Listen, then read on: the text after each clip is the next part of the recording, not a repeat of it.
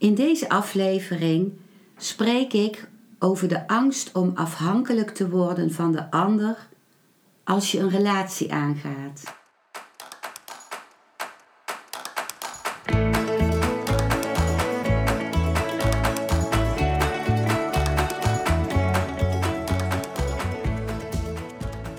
Welkom bij een nieuwe aflevering van Modita's podcast Van Pijn naar Zijn. De podcast waarin ik je meeneem voorbij de pijn in je leven naar wie je diep van binnen bent. Hoe kun je beter omgaan met je gevoelens? Hoe vind je rust in je hoofd? Wat zit er precies achter je pijn? En vooral, hoe kun je steeds meer jezelf zijn? Adem eens diep in en uit. Ik wens je veel luisterplezier.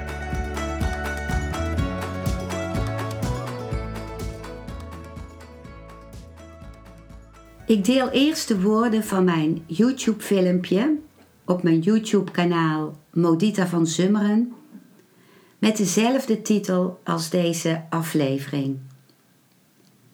Dus hier komen de woorden van mijn YouTube-filmpje. Waar komt de angst om afhankelijk te worden van de ander in een partnerrelatie vandaan? In de eerste plaats is er geen uh, absolute onafhankelijkheid. Wij mensen zijn afhankelijk van elkaar. En ik wil het dan niet zozeer afhankelijk noemen, maar interafhankelijk. Dus je hebt afhankelijk, onafhankelijk en interafhankelijk. En interafhankelijk wil zeggen dat wij elkaar nodig hebben. Je kunt niet zonder elkaar. Als je uh, brood wil eten, dan je kunt het natuurlijk zelf bakken, maar in de meeste gevallen koop je het bij de bakker. Als je wil fietsen, ben je um, interafhankelijk van degene die jouw fiets heeft gemaakt. En van degene die de fiets aan jou heeft verkocht en een fietsenzaak heeft. En je bent afhankelijk van alle mensen die het materiaal voor die fiets geleverd hebben. En als je eet, ben je afhankelijk, interafhankelijk van de, van, uh, de planten. En van uh, mensen die vlees eten, ook van de dieren. Je bent afhankelijk van de zuurstof in de lucht. Zonder de zuurstof zou je niet kunnen leven. Dus het is een illusie dat je uh, onafhankelijk zou kunnen zijn. Maar met angst voor afhankelijkheid in een relatie wordt iets anders bedoeld. Dat is de angst dat je uh, niet meer zo kunt leven als jij zou willen leven. Omdat je je uh, aan gaat passen of voelt dat je je aan moet passen aan de ander. Om te beginnen blijf je vrij als je kiest voor die aanpassing. Want een zekere aanpassing is er altijd als je met de ander omgaat. En dat kan ook een vreugde zijn en een verrijking. Er kan iets in je leven komen wat er voorheen niet was. Of er kan een kant naar voren komen in jou die je van tevoren nog niet hebt gezien of hebt ontdekt. En die juist door deze partner naar boven komt. En dat kunnen fijne kanten zijn en krachtige kanten. En uh, het kunnen ook, er kunnen ook pijnpunten worden aangeraakt. Maar de angst voor de afhankelijkheid kan ook komen door wat je al hebt meegemaakt in je leven. Met name als kind, dat je dan ervaren hebt, uh, vaak als ik iets uh, wil, moet ik daar compromissen voor sluiten. En ik moet um, uh, voorwenden dat ik een, um, een uh, vriendelijk ben om iets van mijn ouders te krijgen. En als kind heb je gevoeld dat als er ehm, mensen om je heen waren die eh, van je hielden, dat die ook in zekere zin onvrijheid voor je creëerden. En dan heb je het verlangen gekregen, als ik later groot ben, dan heb ik geen last meer van wie dan ook die mij uh, welke beperking dan ook op zal leggen.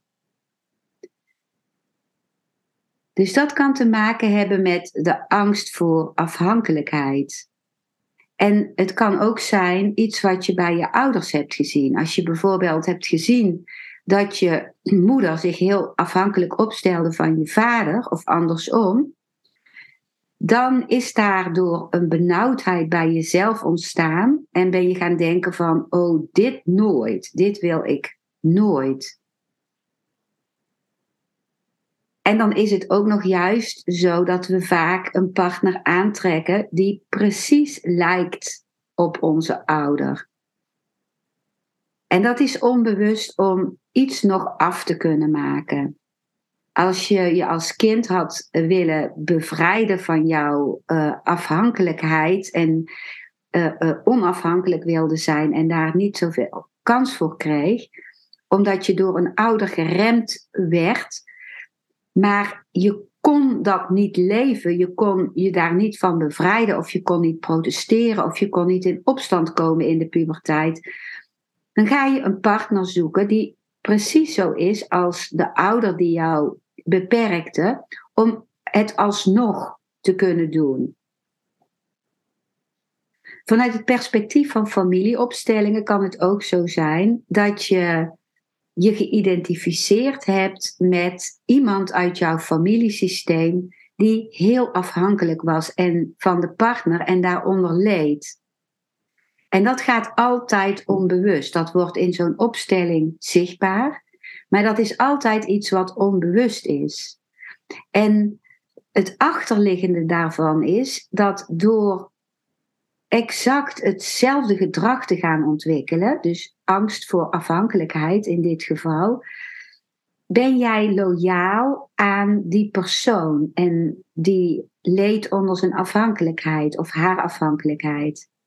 En zorg je dat die persoon alsnog zichtbaar wordt gemaakt.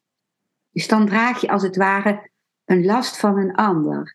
En het achterliggende daarvan is altijd liefde voor die ander.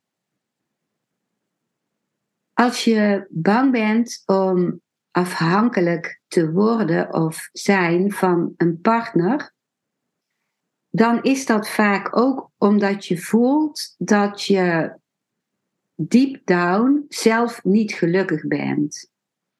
Dat je zelf niet vervuld bent. Dat je niet de vervulling kunt geven aan je leven vanuit jouzelf. En dan projecteer je dat verlangen naar geluk op een ander. Dan denk je, oh, als, als ik die partner maar heb, dan word ik gelukkig. Dan krijg ik geluk. Dan geeft die ander mij geluk. En dat is niet een zeldzaam iets. Dat is iets wat uh, in heel veel mensen aanwezig is. Misschien wel in bijna alle mensen dat je het geluk verwacht van de ander. Als ik maar een relatie heb. Waarom krijg ik geen relatie? Want dan zou ik gelukkig zijn.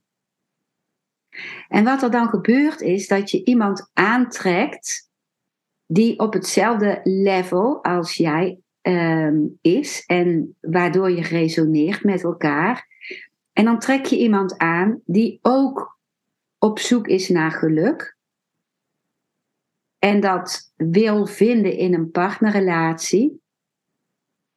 En resoneert met jou, omdat jij naar hetzelfde op zoek bent, naar iemand die jou geluk kan geven. Dus in feite ben je diep van binnen allebei een bedelaar die wil bedelen bij die ander om geluk.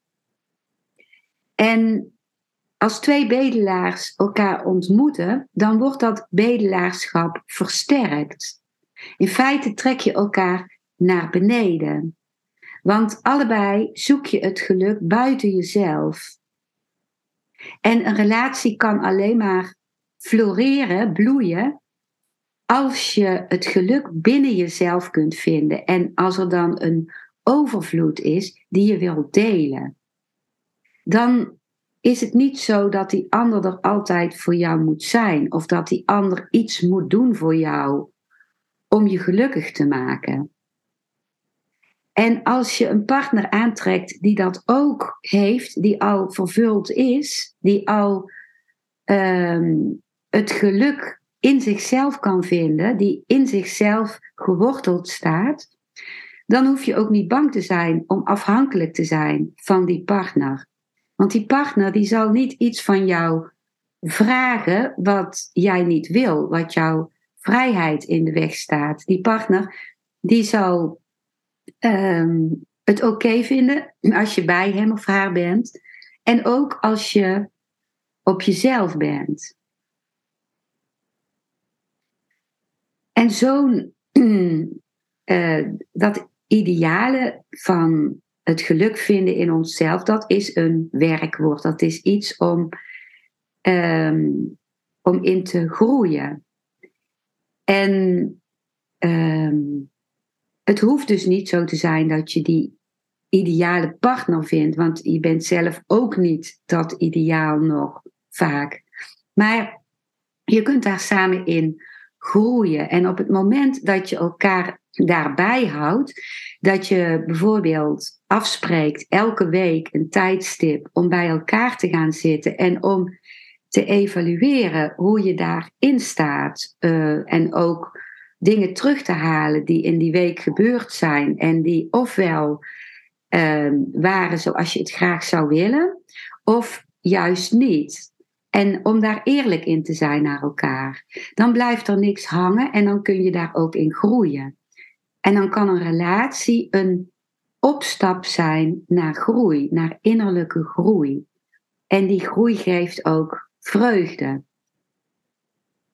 En is natuurlijk ook confronterend, want op die wekelijkse bijeenkomst met je partner kun je ook gaan, eh, gaan horen van je partner waar jij in zijn of haar ogen aan het bedelen was of de ander uh, beperkt hebt. Maar het is dan een goede confrontatie. Ik hoorde van mensen die met elkaar gingen trouwen en op het moment van trouwen gaven ze elkaar een dagboek. Um, en de bedoeling was dat ze in dat dagboek elke dag zouden schrijven waar ze tegen aangelopen waren in de relatie met de ander en wat mooie momenten waren geweest in de relatie met de ander. En één keer per week spraken ze dus af op een vast tijdstip en lazen ze elkaar letterlijk voor wat ze in hun dagboek hadden geschreven. Ik was echt ontroerd bij zo'n afspraak. Ehm, dat is een heel ander soort afspraak dan een belofte: ik blijf bij jou tot de dood ons scheidt. Want dat weet je niet. Je weet niet hoe de relatie zich zal ontwikkelen. Het is een mooie intentie voor dit moment, maar het zegt alleen iets over dit moment. En het geeft geen vrijheid, die zin. Want stel dat de ander zich in een hele andere richting ontwikkelt en dat je dan ehm, allebei beter af bent als je niet meer bij elkaar blijft. Dus in feite is een huwelijk ook heel vaak een soort vast willen leggen van, oh, uh, ik, ik teken nu op dat die ander bij mij blijft. Dat kan het zijn. Het kan ook een ritueel zijn of een symbool van, om iets uit te drukken. Maar heel vaak zit er ook bij van als ik het nu maar wettelijk vast heb gelegd, dan blijft het. Terwijl een relatie alleen maar kan, kan floreren als het een heel dynamisch iets is. En van tijd tot tijd kan en mag veranderen. Zoals ook jij zelf van moment tot moment steeds weer anders bent. Soms zegt iemand: Ik moet eerst nog meer mezelf zijn voordat ik een relatie aan kan gaan. Maar wat is dat, jezelf zijn? in feite ben je al jezelf. Je bent altijd jezelf geweest.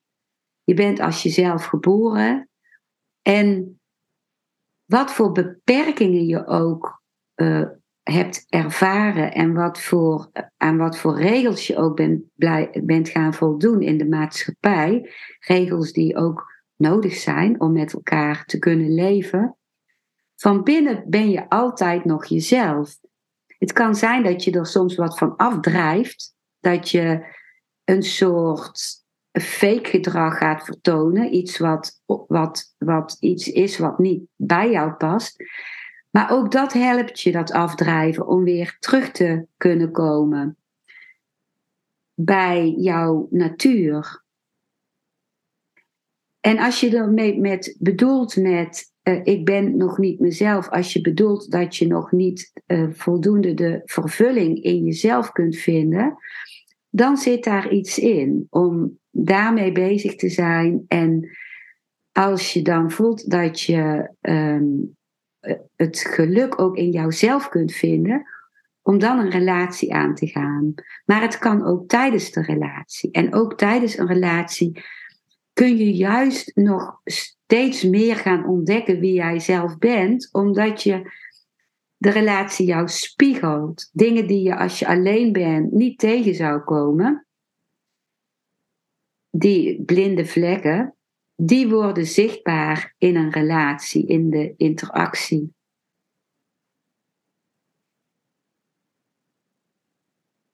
Wat mij helpt, of wat van essentieel belang is voor mij, is om te mediteren, om, de, om elke dag ook bezig te zijn met de verbinding in mijzelf, uh, de, de connectie met mijzelf. En dat is iets wat ik alleen doe, wat ik alleen maar alleen kan doen en wat uiteindelijk ook voedend is voor een relatie. En ook als er dingen in een relatie gebeuren, is het belangrijk dat ik weer terug kan keren daarmee naar mezelf. Zodat ik niet alle emoties die opkomen eruit hoef te gooien naar die ander toe. Want uiteindelijk hebben ze niks met de ander te maken, maar met mij. Als er geen kwaadheid al in mijzelf aanwezig is, dan word ik niet buitensporig kwaad op een ander. Maar in het begin van mijn mediteren, toen ik daarmee begon, toen heb ik ook het mediteren gebruikt om me af te zonderen voor anderen. Om de relatie met anderen niet aan te gaan. Dan dacht ik, ik wil met mijn aandacht naar binnen. En ik kwam er later achter dat ik dat op momenten ook gebruikte om maar niet met anderen in interactie te hoeven gaan. Om mezelf daarvoor af te sluiten, uit angst wat er dan zou gebeuren en in mij omhoog zou komen. En nu is het er allebei. Het, de verankering door de meditatie in mezelf en het contact aangaan met anderen. En ook het daarin aanwezig blijven is meditatie. Meditatie is bewustzijn. Daar gaat het bij om bewustzijn. En als je bij je, wat mijn spirituele meester Osho uh, steeds benadrukt, is dat als je bij je zijn wilt komen, meer in contact nog met wie je in wezen bent, dan zijn er twee ingangen. De ene is bewustzijn en de andere is liefde. En als je de kant van de liefde kiest, dan zie je dat je verder en dieper gaat in de liefde als je bewustzijn groeit. En als je de kant van bewustzijn kiest, dan zie je dat jouw bewustzijn dieper wordt en groeit als je meer liefde gaat ervaren. Dus uiteindelijk komen ze bij hetzelfde uit. Bij de verbinding met jouzelf, met jouw zijn. Dit waren de woorden van mijn YouTube-filmpje. Ik deel nu woorden van de Oosterse mysticus Osho, die ook te vinden zijn in het boek Come Follow to You, volume 4, hoofdstuk 6. Eenzaamheid is een negatieve toestand van de mind. Alleen zijn is positief, niet tegenstaande wat de woordenboeken zeggen. In woordenboeken zijn eenzaamheid en alleen zijn synoniem. Het zijn synoniemen. In het leven zijn ze dat niet. Eenzaamheid is een staat van de mind waarbij je de ander constant mist. Alleen zijn is de staat van de mind waarin je constant vreugde in jezelf vindt. Eenzaamheid is ellendig. Alleen zijn is gelukzalig. Eenzaamheid is altijd bezorgd, iets missend, hunkerend naar iets, iets verlangend. Alleen zijn is een diepe vervulling, niet naar buiten reikend, heel tevreden, blij, vierend.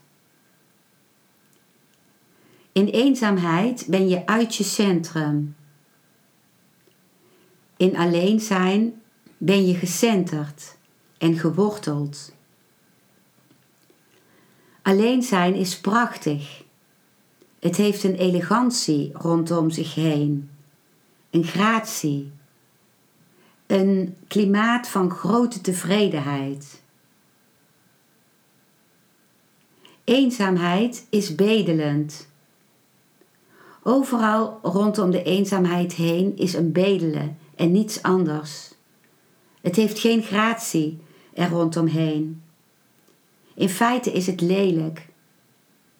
Eenzaamheid is een afhankelijkheid.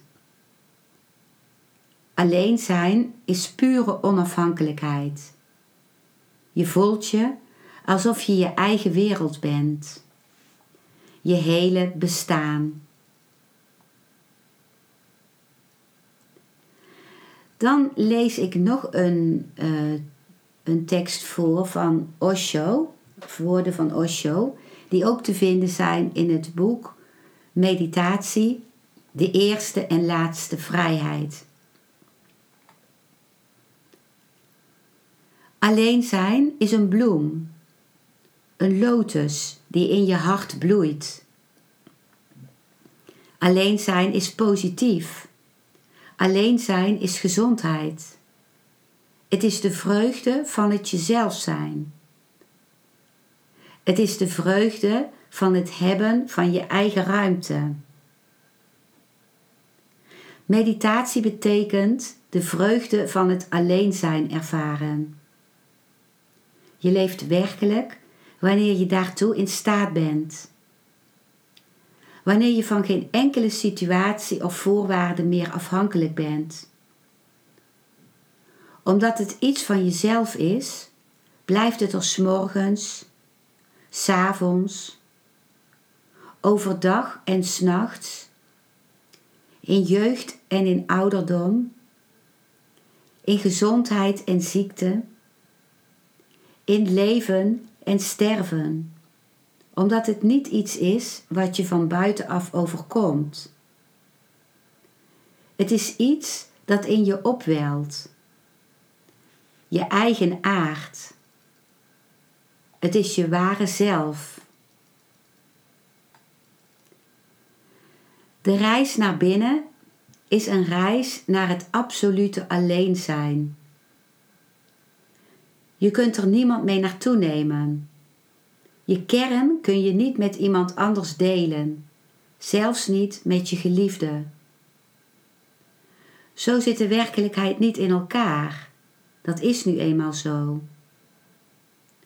Op het ogenblik dat je naar binnen keert, worden alle verbindingen met de buitenwereld verbroken.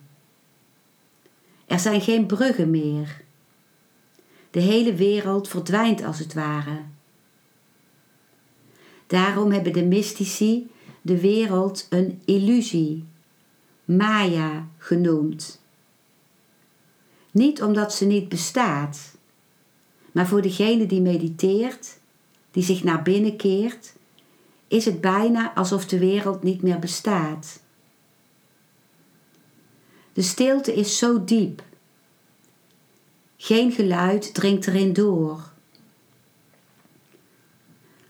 Het alleen zijn gaat zo diep dat er moed voor nodig is. Maar uit dat alleen zijn ontstaat een explosie van gelukzaligheid. Uit dat alleen zijn ontstaat de ervaring van God. Er is geen andere weg. Die is er nooit geweest en zal er ook nooit zijn. Vier alleen zijn. Vier je pure ruimte. En een groot lied zal ontstaan in je hart. Een lied van gewaarzijn. Een lied van meditatie. Het lied van een vogel die roept in de verte. Niet naar iemand in het bijzonder, maar alleen omdat zijn hart vol is en hij wil roepen. Omdat de wolk zwaar is en wil regenen. Omdat de bloemknop vol is en de blaadjes zich openen en de geur vrijkomt. Ongericht. Laat je alleen zijn een dans worden. Dankjewel voor het luisteren naar deze aflevering.